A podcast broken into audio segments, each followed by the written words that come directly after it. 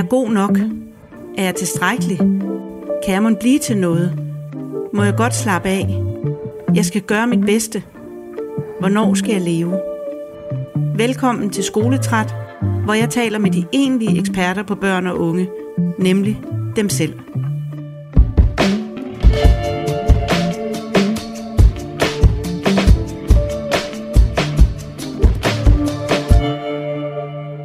Velkommen til dig, Marie. Tak. Jeg starter lige med at fortælle, at øh, du har lyst til at være anonym. Ja. Så derfor så øh, har vi simpelthen opfundet et navn til dig, og øh, det er Marie. Du øh, er 16 år gammel og er lige i gang med at afslutte 9. klasse afgangsprøver. Jeg lærte dig at kende et par måneder, inden du fyldte 11 år. Og øh, det var, du kom til mig, fordi dine forældre havde fundet ud af, at du øh, følte dig meget ensom, og at du faktisk også periodevist var der, hvor du ikke rigtig kunne se meningen med dit liv. Ikke at, jeg tænker ikke, at du var der, hvor du ligesom slet ikke havde lyst til at leve mere, men du havde svært ved i hvert fald at finde meningen med det hele. Ja, det var, øh, det var ikke sådan en aktiv øh, følelse af, at okay, nu gider jeg ikke det her mere, men det var bare sådan, sådan ondt i kroppen, eller træthed ja. Af at skulle op hver morgen. Ja. Og så også det her med at føle dig ensom. Ja, at jeg havde, øh, jeg havde svært med, øh, altså jeg havde ikke svært ved at få venner, fordi jeg kom egentlig meget godt ud af det med, med alle i min klasse. Øh, det var mere ikke at have energi til så faktisk at være sammen med nogen, mm. hvilket så gjorde, at jeg ligesom ikke havde nogen, jeg kunne snakke med øh, om mine problemer eller svære tanker. Ja, fordi når du havde været i skole, så var dine kræfter brugt op. Ja, Ja. Øh, jeg ved, at du på daværende tidspunkt i hvert fald, der brugte du lidt det med at snakke med nogen virtuelt. ja, Det havde du, det havde du kræfter til. Ja, det var, øhm, det var ligesom øh, lettere. Også, øh, jeg snakkede også med mange, der var ældre end mig selv. Mm. Øhm, så de, jeg synes jo også, at de måske kendte lidt mere til verden, eller havde også øh, været det sted, som jeg var på det tidspunkt. Øhm, og ja, så var det bare lettere at være, øh, være sammen med øh, folk online, og bare skulle skrive, i stedet for at, at skulle ligesom være fysisk sammen med et andet menneske. Ja. Det er jo også meget mere krævende at være sammen fysisk, fordi man skal jo forholde sig til mange flere ting, når man er sammen fysisk. Det, er altså også helt sansemæssigt. Man skal forholde sig til deres lugt og til måske de rør ved en, og øh, det er også mere konfronterende med øjenkontakten, og der er en masse ting, der er mere krævende, når man er sammen fysisk. Jeg plejer altid at sammenligne det lidt med, at det er ligesom, øh, at man skal spise rugbrød i stedet for øh, toastbrød, øh, fordi det er, det er selvfølgelig øh, meget det er meget mere krævende at spise rugbrød, men det er til gengæld også sundere. Men man kan jo være der, hvor man simpelthen ikke har øh, energien længere til at tykke rugbrødet, om man så må sige. ja. Øh, der er lige noget vigtigt baggrundshistorie, synes jeg, om dig, og det er, at du jo øh, øh, boede i et andet land i, i mange år, og gik i skole i et andet land med et andet skolesystem og sådan. Kan du prøve at fortælle lidt om det? Ja, jeg boede i øh, Malaysia i to år, øhm, og der har jeg været, jeg tror, 7 til ni år gammel. Øhm, og der gik jeg på en amerikansk skole, hvor at de, øhm, altså der, for eksempel der gik vi med skoleuniform, så man skulle bare have det samme på hver dag. Øhm, og så, øh, når man kom ind til de her lektioner, så havde de et meget sådan hårdt schema for, okay, i dag laver vi det her, og vi skal lære det her. Hvilket jeg egentlig synes var rigtig fedt, Mm-hmm. fordi så skulle jeg, så var jeg aldrig usikker på, hvad skal vi i dag, eller skal vi lave gruppearbejde i dag. Øhm, det var mere individuelt, vil jeg sige, men jeg havde også nogle, nogle dygtige lærere, og det var, også, det var ret udfordrende for mig, fordi jeg kom jo og snakkede ikke særlig meget engelsk. Øhm, så, så jeg var ligesom hele tiden udfordret, stimuleret, Og øhm, jeg fik en pissefed mulighed for at lære engelsk, og øhm, ja, og bare sådan opleve noget helt nyt. Mm. Ja. Så det var svært at komme til Danmark, kan jeg næsten høre, og, øh, og skulle ind i et mere uforudsigeligt skoleliv, Øhm, eller hvad? Nej, jeg vil faktisk ikke sige, at det var svært. Mm. Øhm, men jeg tror, at det var det var mere svært at, at, at jeg ligesom skulle komme tilbage til en, en klasse. Jeg kom, til samme, jeg kom tilbage til samme klasse, som jeg havde været øh, i, før vi tog til Malaysia. Øhm, så jeg kom tilbage og var sammen med nogle folk, hvor jeg ligesom havde misset to hele år, hvilket var rigtig meget i den alder. Øhm, og øhm, det er mere i så de større klasser, at uforudsigeligheden bliver en, øh, et problem. Ja, okay. Måske skal jeg også lige sige, at øh, da jeg havde kendt dig et lille stykke tid, jeg kan faktisk ikke huske, hvor lang tid jeg havde kendt dig, men der øh, opdagede jeg pludselig, at jeg sad og talte til dig som en, der var noget ældre end det, der var din aktuelle alder. Øh, og noget af det, jeg også interesserer mig for, det er også øhm, øh, øh, IQ. Altså ligesom for ikke nødvendigvis bare for at få et tal, men bare for at få en eller anden idé om, hvordan fungerer det her barn kognitivt. Og øh, det foreslog jeg så, om jeg kunne få lov til at lave med dig. Også fordi du begyndte på det her tidspunkt at, at have de første tegn på skoleværing. Øh, og så øh, tænkte jeg, jeg må hellere lige prøve at, at se, om jeg kan få lov til at lave en kognitiv funktionstest, som det jo så fint hedder. og det fik jeg lov til af dine forældre og af dig. Og øh, du har en øh, ret høj IQ. Du har en IQ på, på 130, som er det, der hedder særlig godt begavet, eller et barn med særlige forudsætninger. Og bare lige for at slå det fast, så er det omkring sådan 2%, øh, der ligger med en IQ der, inden for din procent. samme alder. Det er samme pro- procentdel som rødhåret. Ja, og det har du så ikke. Nej. Øh, naturligt i hvert fald. Nej, jeg har haft det. Ja. Men en af udfordringerne ved det er jo selvfølgelig, at det kan gå hen og blive helt ekstremt kedeligt at gå i skole. Fordi at vi jo har indrettet vores skolesystem på den måde, at det er aldersinddelt. Øh, så øh, når man sådan skulle tale med dig, og hele undervisningsdelen kunne sagtens ligge på mange år ældre plan, men det er jo klart følelsesmæssigt, der er man jo bare sin alder, så jeg ved godt, at det selvfølgelig er svært at lave et eller andet, der er helt optimalt, men du har i hvert fald øh, på din tidligere skole, for du har jo så også skiftet skole, været øh, intellektuelt eller hjernemæssigt understimuleret, kan man sige. Øh, og det, det kan man altså også godt brænde ud af, vil jeg sige, og skulle være i det. Men øh, øh, fjerde klasse var jo det, du gik i, da du lærte mig at kende, eller jeg lærte dig at kende. Og, øh, og prøv at fortælle, jeg ved, du skiftede skole i starten af 7. fra 4. til 7. klasse. Hvordan øh, var det for dig? Det var ret hårdt. Øhm, jeg var ligesom, jeg var træt hele tiden.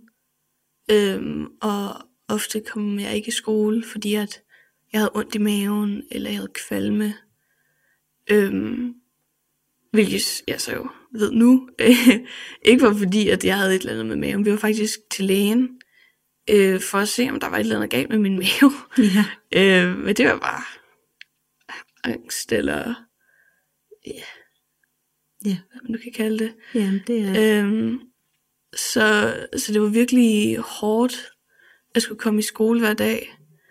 Øhm, og så når jeg så kom over i skolen, så blev jeg bare trættere. Og så havde jeg ikke... Øh, det var ikke ofte, jeg, jeg gik op i, hvad vi lærte.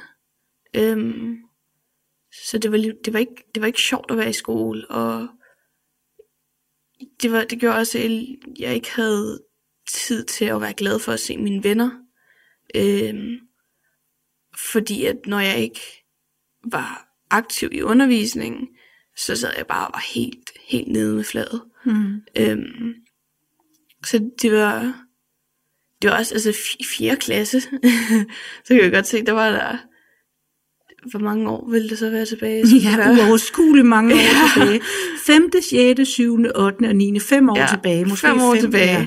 Og det var, det føltes som rigtig, rigtig lang tid, hvis det bare skulle blive ved på samme måde. Øhm, så det var, det var ikke sjovt. Nej, og det vil jeg også sige, det er ikke bare noget, det føltes som. Det er jo ekstrem lang tid, når man tænker på, at du var 11 år gammel. Så det er næsten halvdelen af det liv, du allerede har levet, der skulle fortsætte på den her måde. Så det kan du godt høre, det er jo helt ekstrem lang tid. Mm-hmm. Ja.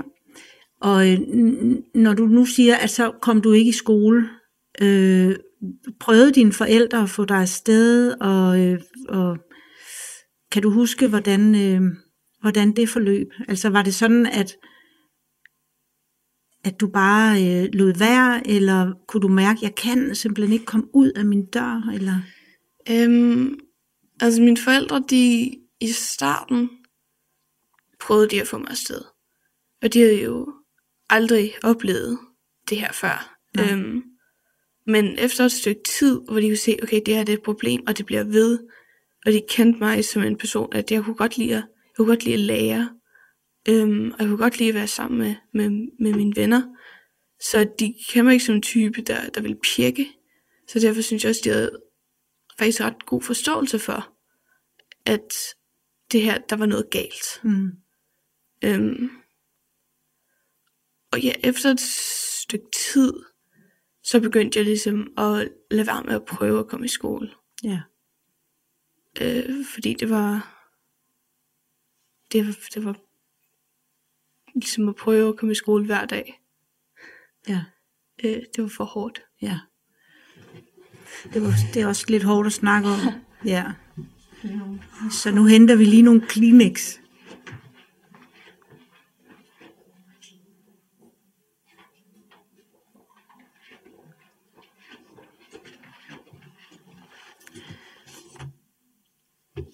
Og det, øh, jeg i hvert fald øh, kan huske, vi gjorde, vi bøvler lige med et gardin her, der skal trækkes helt for.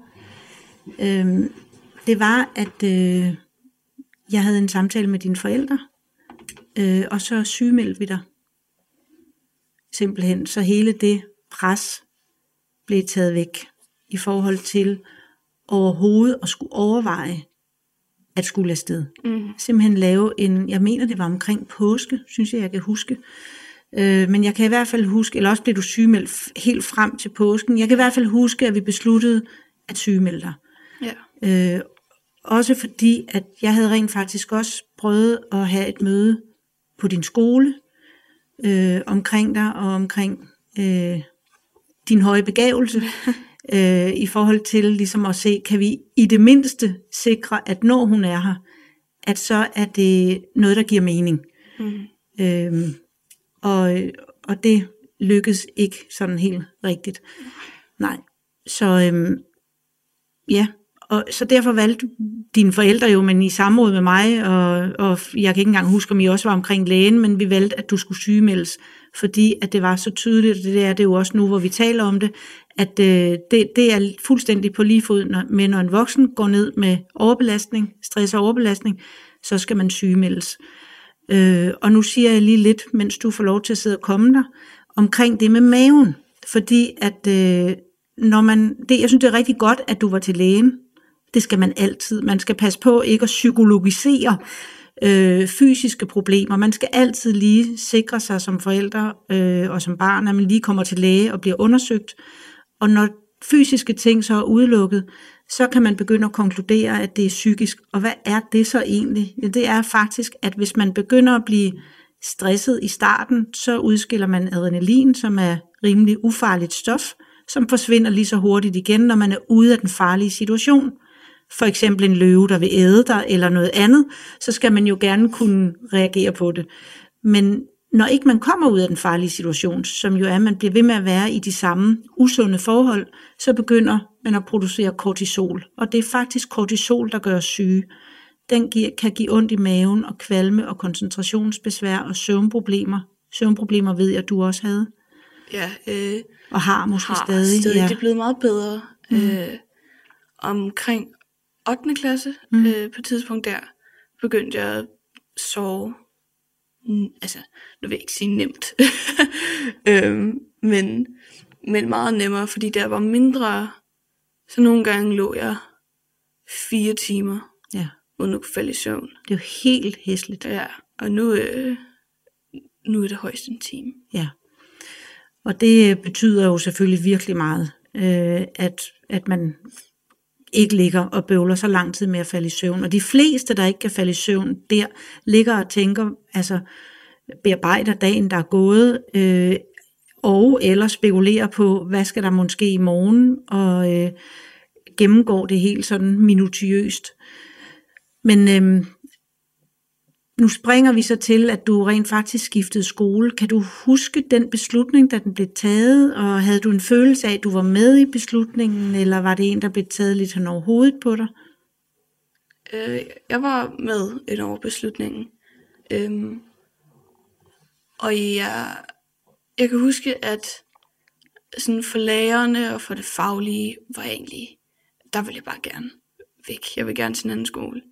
Øhm, det som jeg, altså, der gjorde, at jeg måske godt ville blive på den gamle, var fordi jeg havde sådan ret stor loyalitet over for min gamle klasse. Mm. Øhm, fordi i pigegruppen på det tidspunkt havde vi sådan et rigtig godt øh, fællesskab. Øhm, men, men det var ikke nok til, at jeg ville blive der. Øhm, så vi, jeg kom ind på en venteliste på min nye skole, Mm. og hvor jeg var rigtig heldig at komme øh, hurtigt til.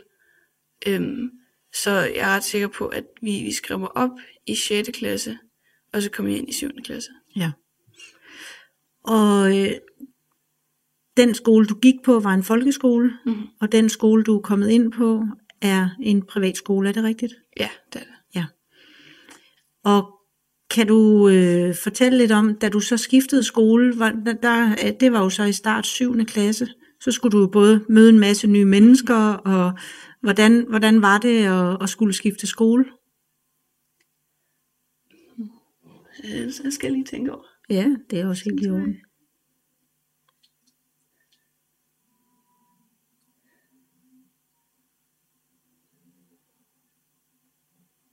Øhm, så på, på den skole, hvor jeg går på nu, så er der, jeg tror, der er tre eller fire klasser op til 6. klasse.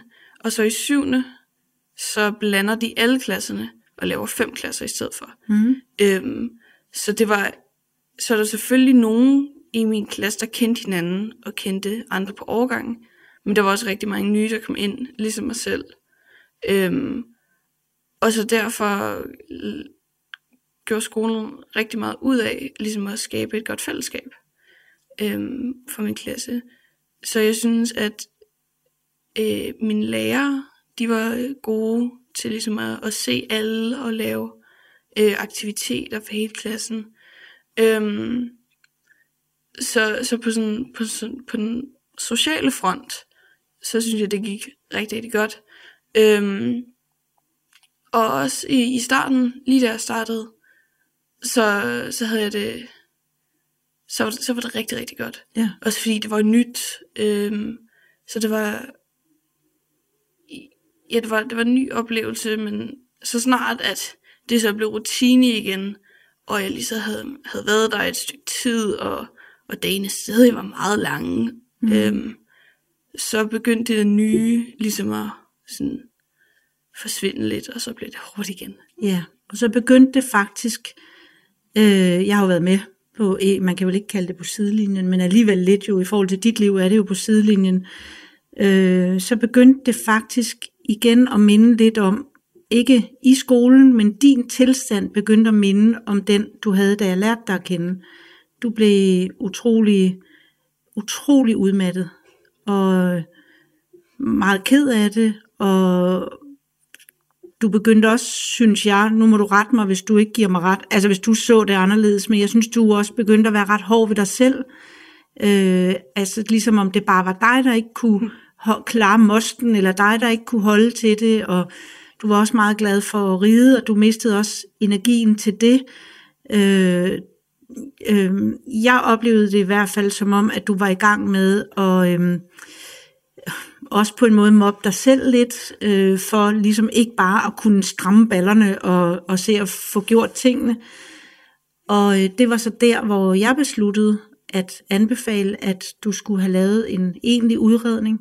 Der var jo så gået nogle år, øh, hvor vi havde kendt hinanden, og jeg havde lavet den her kognitive funktionstest. Du havde fået nogle ændrede betingelser, altså en ny skole, som jeg heldigvis også kunne høre, den gør alt det, den kan, og de, det er nogle søde, dejlige mennesker, og de øh, ville gøre alt nærmest for at beholde dig, og altså, så jeg vidste ligesom, jeg jo hele tiden vidste meget tidligt, at du havde nogle rigtig gode forældre, og øh, nu vidste jeg også, at du havde en rigtig god skole, men du bliver alligevel ved med at få det øh, rigtig skidt. Og det er så det, jeg beslutter mig for at anbefale, at du skal have lavet, få lavet en egentlig øh, børnepsykiatrisk udredning. Og det tænker jeg, hvis du gider at fortælle lidt om det, både hvordan det var, at hvis du kan huske det overhovedet, da jeg sagde det, øh, men også hvordan det var at gå igennem sådan en udredning. Øhm, jeg var rigtig heldig med min udredning, at vi kom øh, til et rigtig godt sted. Det var øh, privat, Mm. hvilket også gør en kæmpe forskel, øh, fordi at vi havde været op til lægen, og, og lægen sagde, at fordi at det ikke, øhm, at jeg ikke var ramt så hårdt af det, at jeg ikke var havde svær autisme eller ADHD, så hvis det skulle være i, øh, hvad kalder man det? Øh, altså igennem den, den almindelige Bispebjerg psykiatriske, Ja. eller noget i den stil, ja. Så Det ville, kommunale. så ville jeg bare aldrig komme til, så ville der aldrig være tid til mig. Øhm, så er vi selvfølgelig heldige, at vi havde mulighed for at komme på et øh, privat øh, sted. Øhm, og der var, der var de rigtig dygtige, og de var rigtig søde. Og det gik egentlig meget hurtigt. Øhm, vi startede der et par uger før jul. Øh, og så ugen efter eller sådan noget. Så, øh, så havde jeg en øh, autisme-diagnose. Ja, det havde du nemlig. Ja. Og hvor, øh, hvordan var det at få den? Altså jeg jo egentlig selv, øhm, øh, jeg ved ikke om man kan sige, jeg havde læst lidt op på det, men jeg havde selv undersøgt det, fordi at jeg begyndte også at tænke, at okay, nu har jeg gået til psykolog i, hvad var det? I mange år. I mange år, Ja. ja. synes jeg selv. Du havde gået til Øhm, psykolog i to og et halvt år, tror Ja, jeg. Og, og jeg havde ligesom skiftet skole, og jeg synes, at min lærer var god, jeg synes, undervisningen var fed, jeg synes, at min klassekammerater var virkelig, øh, virkelig søde. Så jeg tænkte, der må simpelthen være et eller andet galt her. Ja. øhm, siden at det var aldrig blevet bedre. Øhm, så jeg havde også lidt selvfornemmelse for, at jeg nok havde noget autisme eller noget i den stil. Mm. Øhm, jeg synes, at det, det var rigtig dejligt at få en diagnose. Mm. Øhm, både fordi, at det var... Altså, det hjalp mig selvfølgelig med at, at få noget mere konkret hjælp i skolen. Øh, det var ligesom, lærerne havde nu en bedre idé om, hvordan de kunne hjælpe mig, og jeg fik også en bedre idé om, hvordan jeg kunne hjælpe mig selv. Mm. Øhm, men så var det også bare rart at få at vide, at der er øh, nogle udfordringer, Ja. som ikke bare er mig. Ja, præcis. Og det er også det, jeg synes er utrolig vigtigt, at øh, selvfølgelig, at alle ting lige er undersøgt omkring dig, og vi har sikret, at alt er omkring dig, som det skal være. Du bliver ved med at have det svært, jamen så skal der selvfølgelig tilbydes en udredning. Og nu siger du så selv, at din læge havde sagt, at du kommer aldrig til, fordi du har det ikke dårligt nok, eller i svær nok grad. Mm. Øh, men det er jo i svær nok grad til, at du af gen, gentagende gange har været meget depressiv, og øh, meget ulykkelig, og meget udmattet. Og forsvinder det så af, at man får en diagnose? Det gør det selvfølgelig ikke, men det gør jo, at du blandt andet fik et selvforståelseskursus. Det ved, kunne jeg godt tænke mig, at du fortalte lidt om. Sådan. Øhm, der, øh, det var sådan et kursus, jeg tror vi var nok otte, øhm, som gik her. Det var, de fleste af os var piger, der var en dreng.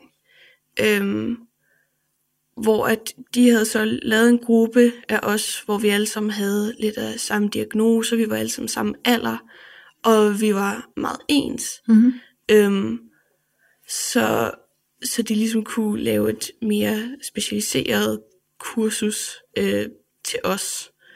Øhm, jeg, jeg lærte faktisk, øhm, sådan, eller jeg fik en bedre forståelse for mig selv, og også øh, hvor vigtigt sådan noget som sådan fidget ting er. Mm. Øhm, hvad, hvilke sanselige udfordringer der faktisk er min autisme. Øhm, Vil du ikke Som- prøve at uddybe det? jo, det kan altså for eksempel lugte, Ja. hvor nogle gange, for eksempel om morgenen, hvis jeg, jeg kan virkelig ikke lide kaffe, men så vil mine forældre eller min storebror, hvis jeg laver kaffe om morgenen, Mm. og så vil jeg få så meget kvalme, at jeg simpelthen ikke kan være, jeg kan bare ikke være i køkkenet på samme tid som dem. Øhm, hvilket jeg, jeg aldrig havde tænkt over før det ikke var normalt. Nej. øhm, og også noget som varme er jeg ret sensitiv overfor. Ja. Så om sommeren kan jeg godt få ret store udfordringer med at, at være udenfor. ja. Øhm, Du er heller ikke helt pjattet med lys, er det ikke rigtigt? jo, det er... I, altså, lys er ikke øhm, det værste, men for eksempel når, når, når der er sne, og der er sol på samme tid, så, så bliver altså alle bliver blændet mm. af solen på det tidspunkt, men jeg kan ikke holde ud og være udenfor. Nej. Øhm, så det er også det, at jeg bare bliver mere forstyrret. Mm. De ting, som jeg måske øh, opfanger i samme grad som andre, forstyrrer mig mere. Øhm, så det er jo også noget, der gør skolen meget udfordrende, Mm. fordi vi er i et relativt lille lokale, så jeg vil hele tiden høre folk, der snakker og råber, og måske spiller de bold, Mm. øh, og så lige nogen, der skal forbi stolen, og så bliver rusket lidt i, og Og nogen, der lugter lidt armsved eller Ja. noget andet. Ja, den er heller ikke god. den er virkelig ikke god. Nej. øhm, så det var, det er sådan noget, jeg lærer, øh, lærte Mm. dertid.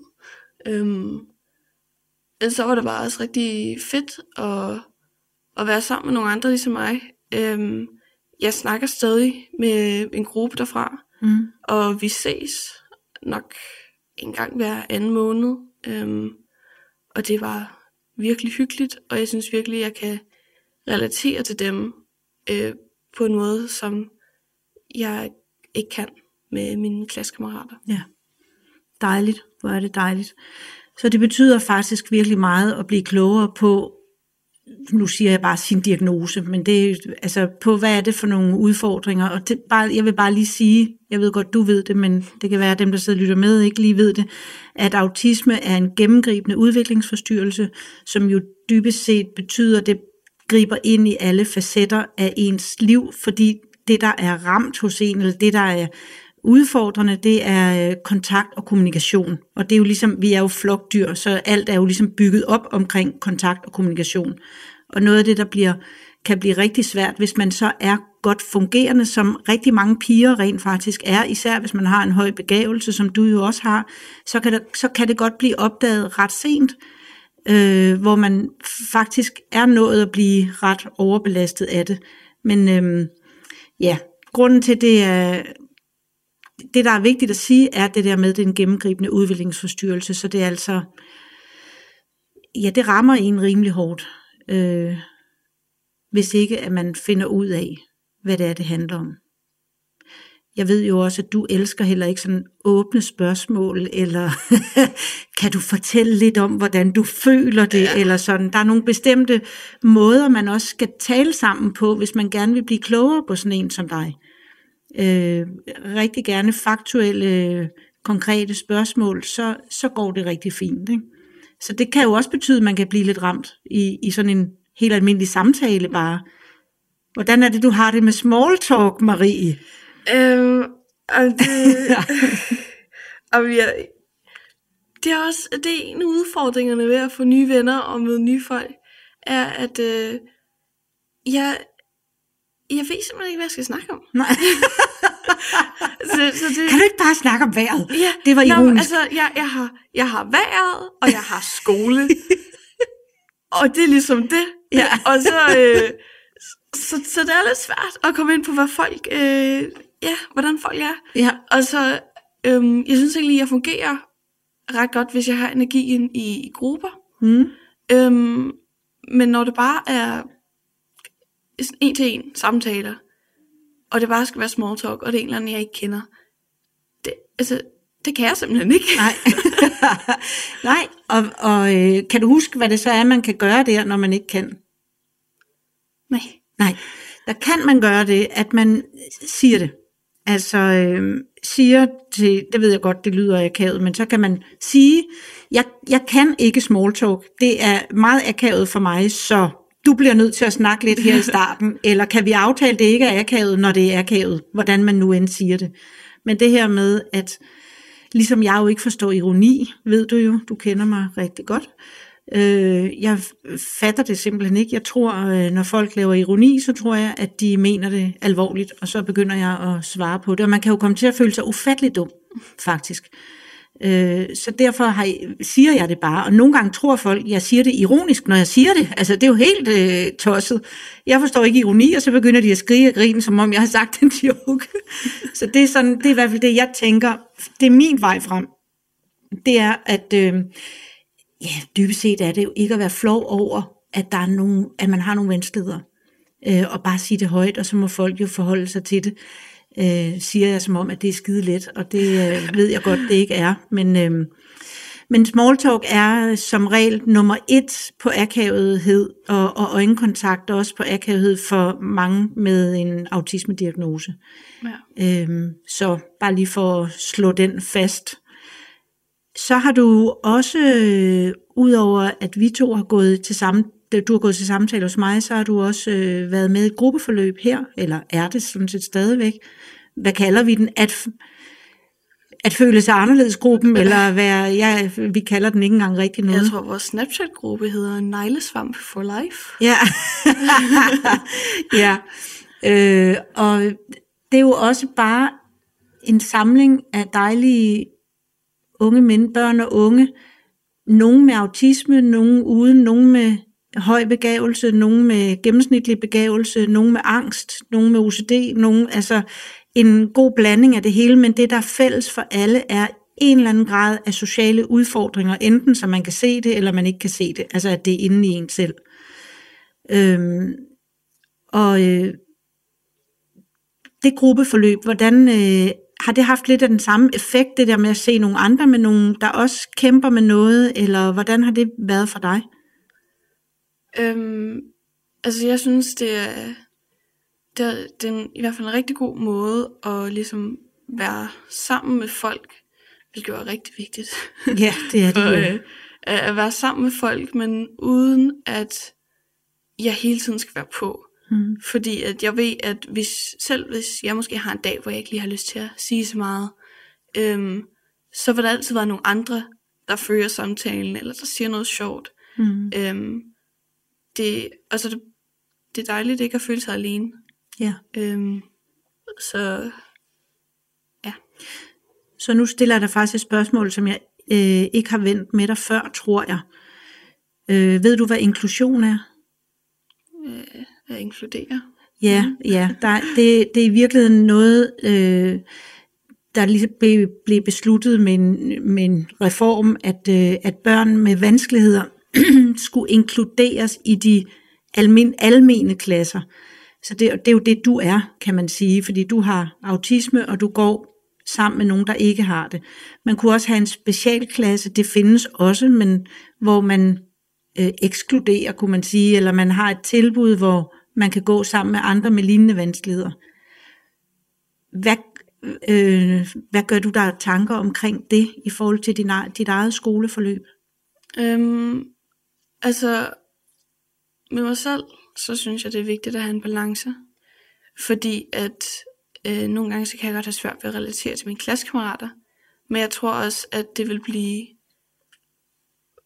for meget, hvis jeg kun var sammen med, med folk, som havde de samme øh, udfordringer som mig. Øh, jeg tror også, nogle gange har jeg selv bare brug for at være sammen med, nu kalder jeg dem normale Mm-hmm. mennesker. Øhm, Neurotypikere. Ja, er neurotypikere. Ja. øhm, og bare, altså, lave også, selvom jeg måske ikke er den helt store festperson, og så være med til fester, ja. og bare snakke om tasker, selvom jeg måske hellere vil snakke om bøger. Ja. Fordi at, øh, altså det er jo, så møder jeg også andre mennesker, jeg lærer nye mennesker at kende, og, og folk, som tænker på verden helt anderledes. Mm. Øhm, så ja, det, altså jeg vil sige, det, det er lettere at være sammen med, eller ofte er det lettere at være sammen med folk, der også har, mm, lad os sige autisme nu, men, men jeg synes også, at det kan være rigtig sjovt og rigtig, rigtig hyggeligt at være sammen med, med folk, der ikke er det. Mm. Øhm, så jeg, og jeg er jo også et sted, hvor jeg godt kan lide at bare hænge ud, og måske ikke altid skulle snakke om de dybeste ting i verden. Ja.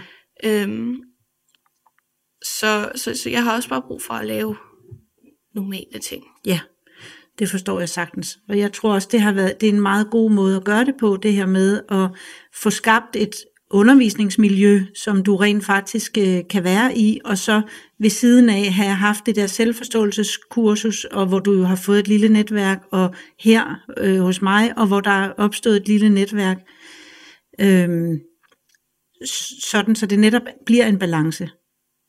Ja. At det er, det er en god måde at gøre det på. Ja. Øh, der var lige et spørgsmål, det kommer nok lige om lidt. Jo, nu ved jeg, hvad det var. Fordi der er nemlig en ting, som nærmest alle mine autister, som jeg tillader mig at kalde det, bøvler med, øh, og faktisk også de særlig godt begavede, og det er idræt.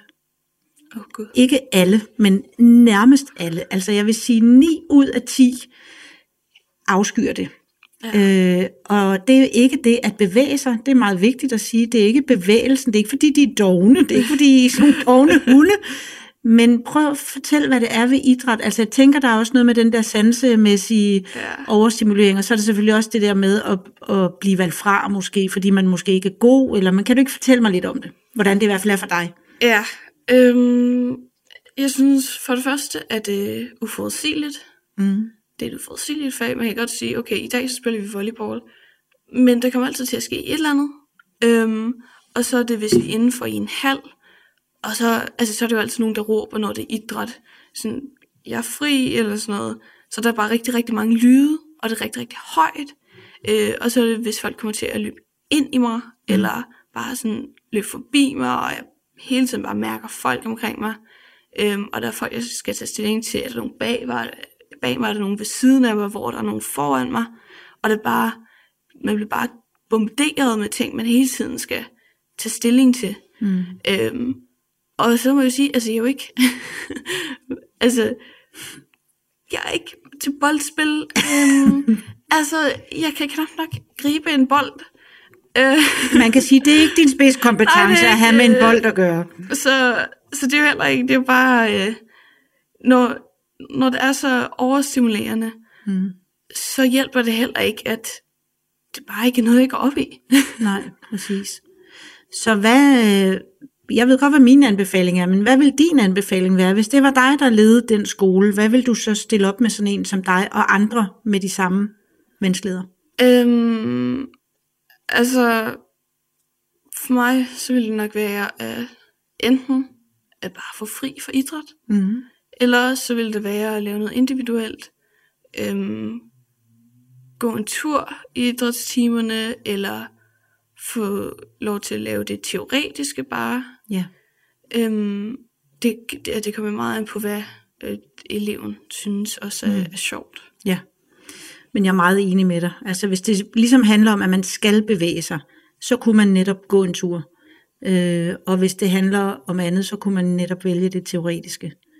Så øh, der, der er faktisk stadigvæk nogen, der står, selvom det lyder virkelig mærkeligt, altså, at lade, altså hvor der bliver valgt hold. Børnene vælger selv hold, og så kan der stå en tilbage, så tager I hende, nej, I tager hende, nej, vi vil ikke have hende. Altså, det skal man lige forestille sig, når man i forvejen er anderledes og også føler sig anderledes, at man så samtidig der skal blive udstillet. Og nogen skal så også i bad bagefter, og det kan man godt også, øh, i hvert fald med autisme, der er selvfølgelig også andre, der kan have det på samme måde, men virkelig, virkelig have et, et stort øh, kropshad faktisk, øh, have svært, ved, have svært ved at acceptere sin krop, øh, som at den ser ud, som den gør, og så skulle vise den frem for andre i nøgen tilstand. Det er en meget stor, øh, altså det er uoverstigeligt øh, bjerg at skulle bestige for, for nogen, der i forvejen kæmper. Ja. Så hvis man skulle forestille sig, at vi skal have inklusionen, så skulle det i hvert fald, som vi jo har, øh, og som også er det, vi begge to taler for, så skal det i hvert fald være noget, man kan tale om os. Fordi det er nok det er idræt, der i hvert fald vender tilbage som det helt store øh, tema herinde i min praksis. Mm. Ja. Nu øh, har du så været til nogle skriftlige prøver, og sådan, altså bare også for at slå det fast, hvordan klarer du dig egentlig fagligt, hvis vi lige skal holde os udelukkende med fokus på øh, karakterer og sådan, hvordan har du så klaret dig? Ja. Uh, altså, jeg klarer mig så godt, at, hvis, um, at når jeg har haft skoleværing, eller jeg har været sygemeldt langvej, så har min lærer bare sagt, ja, bare få det bedre. Ja. Fordi at, uh, det, det er simpelthen ikke et problem. Um, jeg havde ikke geografi i halvdelen af 8. og 9. klasse, og alligevel så går det sgu meget godt. Ja. Um, det er selvfølgelig også, at jeg har rigtig gode lærere, og rigtig søde lærere, som så hjælper mig med de ting, som jeg har misset. Mm. Øhm, nu har vi lige fået vores sidste års karakterer. Der har fået et gennemsnit på 9,8. Ja, det må man sige. er, det er jeg rigtig, rigtig glad for. Ja. Øhm, og ja, Og det kan jeg virkelig godt forstå. Og for fan, hvor har du det også, hvis man kan snakke om fortjent det, men det har Mhm. du virkelig, synes jeg, fordi det har godt nok ikke været a walk in the park, øh, sådan som du øh, har haft det i, i periodevis igennem folkeskolen. Øhm, så det faglige, man kan også godt sige måske, at det faglige lidt har været et frirum, ikke nødvendigvis hen i skolen, men nu sagde du også, nu ved jeg jo, hvor meget bøger betyder for dig, og har betydet for dig. Men det kunne du måske også fortælle lidt om. Hvad har det været en, øh, et frirum, eller har det været en flugt, eller har, har det været et sted at finde genkendelighed, eller hvad vil du sige, bøgernes verden har været for dig? Øhm, altså, der er jo mange, der siger, at øh, for, for dem med bøger eller historier, tv-serier har været en flugt fra virkeligheden. Det har der aldrig rigtig været for mig. Det har bare været en, en hobby. Ja. det, har, det har været at opleve øh, noget nyt. Øhm, der har jo der har været tidspunkter, øhm, hvor jeg ikke har haft energi til at læse, øhm, eller ikke har haft koncentration til at læse. Mm-hmm. Øh, og det er normalt, når jeg har haft det aller værst. Jeg vil også sige, det er de største faresignaler for mig, det er, når du ikke har den energi. Ja. Øhm, men, men det har ikke ligesom været en, en flugt fra virkeligheden på den Nej. måde. Nej. Har du egentlig tænkt over nogensinde, måske er det et dumt spørgsmål, men at både bøger og film er small talk emner? Ja, men Kan øh, være det. altså, jeg kan være det. Fordi øh, film, det, det siger alle jo. Bøger, det er en bestemt type personer, som læser bøger. Ja. Men det er ofte også den type personer, som jeg godt kan lide at snakke med. Så Ja. det passer meget godt. ja, så det kan være sådan en radar, hvis de ikke... Ja. Ja. Jamen, hvad læser du så i øjeblikket? Om jeg læser ingenting. Godt, så drifter. Ja. du videre til næste. Og det er faktisk en af mine bedste venner, mødte jeg i øh, min øh, fransk klasse. Mm. Fordi vi, vi har fransk hold øh, på tværs af klasserne. Og hende begyndte jeg at snakke med, fordi hun altid sad og læste, øh, før timen begyndte. ja. Så det, det er en radar. ja, det er en radar, og en god radar. ja, ja. Og nu skal du så, når du er færdig med øh, eksamenerne her, eller afgangsprøven, så skal du på efterskole. Mm-hmm. Ja. Det bliver spændende. Øhm, jeg, jeg valgte at tage på efterskole, fordi at jeg gerne vil prøve noget nyt. Øhm, jeg vil også bare gerne prøve at komme væk, øh, fordi at jeg har jo det har været meget monotont mm. øh, siden 4. klasse. Øhm, så jeg vil bare gerne prøve noget nyt, og prøve at være sammen med mennesker, som jeg ikke kender, og som måske kan få nogle meget stærke øhm, forhold til. så må vi jo se, hvordan det går. Mm. Fordi at jeg har nogle gange øh, svært ved at være sammen med mennesker lang tid ad gangen. Og så tænker man, okay, hvorfor, hvorfor tager du så på efterskole, hvor man er sammen med folk hele tiden? Øhm, men jeg tror, at det vil være anderledes på efterskolen, fordi at det er ligesom mit eget valg. Ja. Øhm, og hvis det så går galt, så har jeg så et sabbatår. Så kommer du hjem igen, ja, Mhm. og så er der en tiende eller noget. Altså, så finder vi jo ud af det. Jeg Ja. synes, det er så øh, utrolig godt, at du prøver det. Det må jeg sige. Også fordi, der, der er jo det ved efterskoler, at man bor det sted, hvor man går i skole. Så det er også på den måde jo er meget autismevenligt, fordi det er ikke, man skal ikke tænke i alle mulige skift hele tiden. Man er det sted, hvor undervisningen foregår, og øh, man bliver også, har jeg i hvert fald hørt, ret meget sådan venner med sine lærere, og det, der, der er sådan et meget øh, rart miljø. Ja. Så jeg synes, det er rigtig godt, at du prøver det, og, øh, og det kan jo ikke gå, gå helt galt, fordi så kommer du bare hjem igen. Mm-hmm. Og vi har, altså alle har jo fat i dig på en eller anden måde, og klar over, vi kender alle sammen faresignalerne.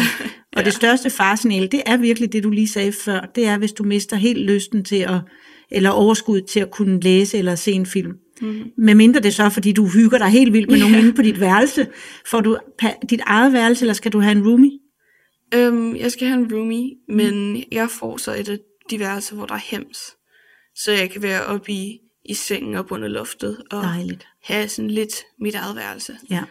Øhm, ja, og så tror jeg også, at jeg, jeg valgte at tage på efterskole, fordi jeg bare ikke øh, føler mig klar til gymnasiet, som Mm. mm. det nok bliver. Øhm, jeg er ikke sikker på, om det bliver gymnasiet Nej. efter efterskole.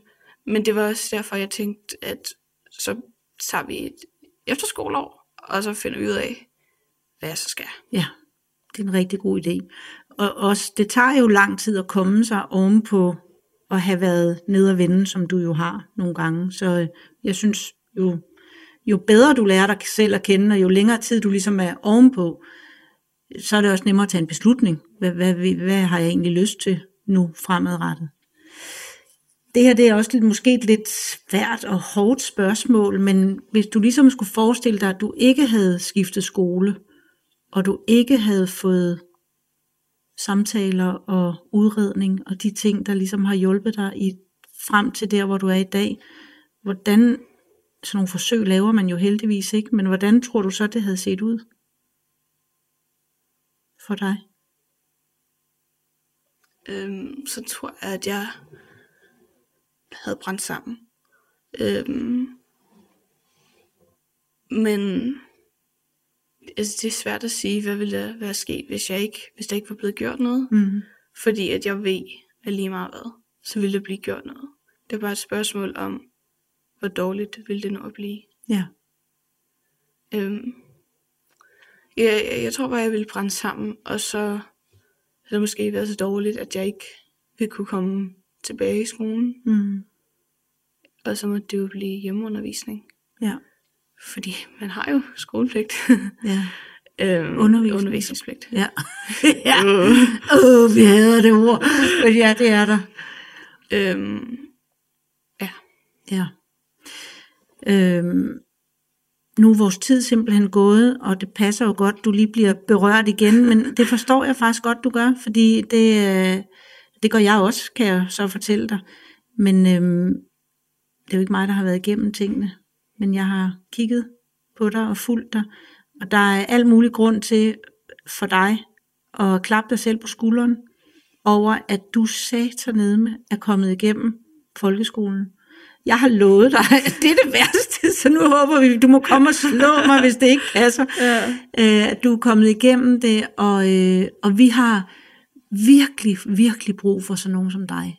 Vi har brug for mange mennesker, men vi har virkelig brug for sådan nogen som dig. Altså du er jo et fantastisk menneske, og du er også dygtig oven i hatten, og klog og sjov og alt muligt andet, så der er så meget grund til at passe på sådan nogle, sådan nogen også som dig. Og jeg nem, tror nemlig desværre, du har ret i, at hvis du ikke havde fået den sådan hjælp undervejs, at så øh, kunne vi godt have risikeret, at, øh, at du var altså røget så langt ned, så det havde taget meget lang tid at komme op igen, eller nogen ender jo også med at få PTSD øh, af det, altså at blive traumatiseret af det. Så øh, det er dejligt, at du har haft nogle forældre, der har mm. kæmpet for dig, og at du er kommet hen på en skole, hvor de jo, det har jeg glemt at sige også, jeg tror ikke, du helt har sagt det, men hvor du jo rent faktisk er på, øh, har været i hele det her år på nedsat schema. Ja, øh, ja vi startede med om, nok omkring, jeg tror hvis vi startede med, at jeg havde tre lektioner, mandag, tirsdag og onsdag. Øh, og så nu, nu har jeg så lige fået læseferie. Øhm, men jeg sluttede så med, at jeg havde omkring fem eller seks lektioner hver dag. Ja. Øhm, hvilket var rigtig stort for mig. Ja. Altså når jeg ligesom, jeg, jeg er kommet så langt, at jeg ser frem til fremtiden. Mm. Hvor at, altså, jeg er stadig der, hvor at hver gang jeg tænker for hårdt over 4. til 6. klasse, så begynder jeg at græde. Ja. Øhm, men jeg kan se frem til noget bedre, og jeg er sikker på, at der kommer noget bedre. Ja. Og ved du hvad? Det er jeg også. Så tusind, tusind tak, fordi du vil komme her og fortælle om din historie, også selvom at det stadigvæk øh, er noget, der selvfølgelig berører dig meget. Så tak for det. Imens jeg har dig, vil jeg gerne henvise til en lille guide, jeg har lavet. Den er til forældre, der gerne vil være sikre på, at de spotter tegn på mistrivsel, eller måske går rundt med en lille mavefornemmelse med, åh, jeg tror, der er et eller andet i vejen. Så vil guiden være med til at give dig en afklaring på det. Du kan hente den på spotmistrivsel.dk, og den koster kun din e-mail. Jeg er selv ret stolt over den. Men uanset hvad, så vil jeg bare sige tak, fordi du lyttede med.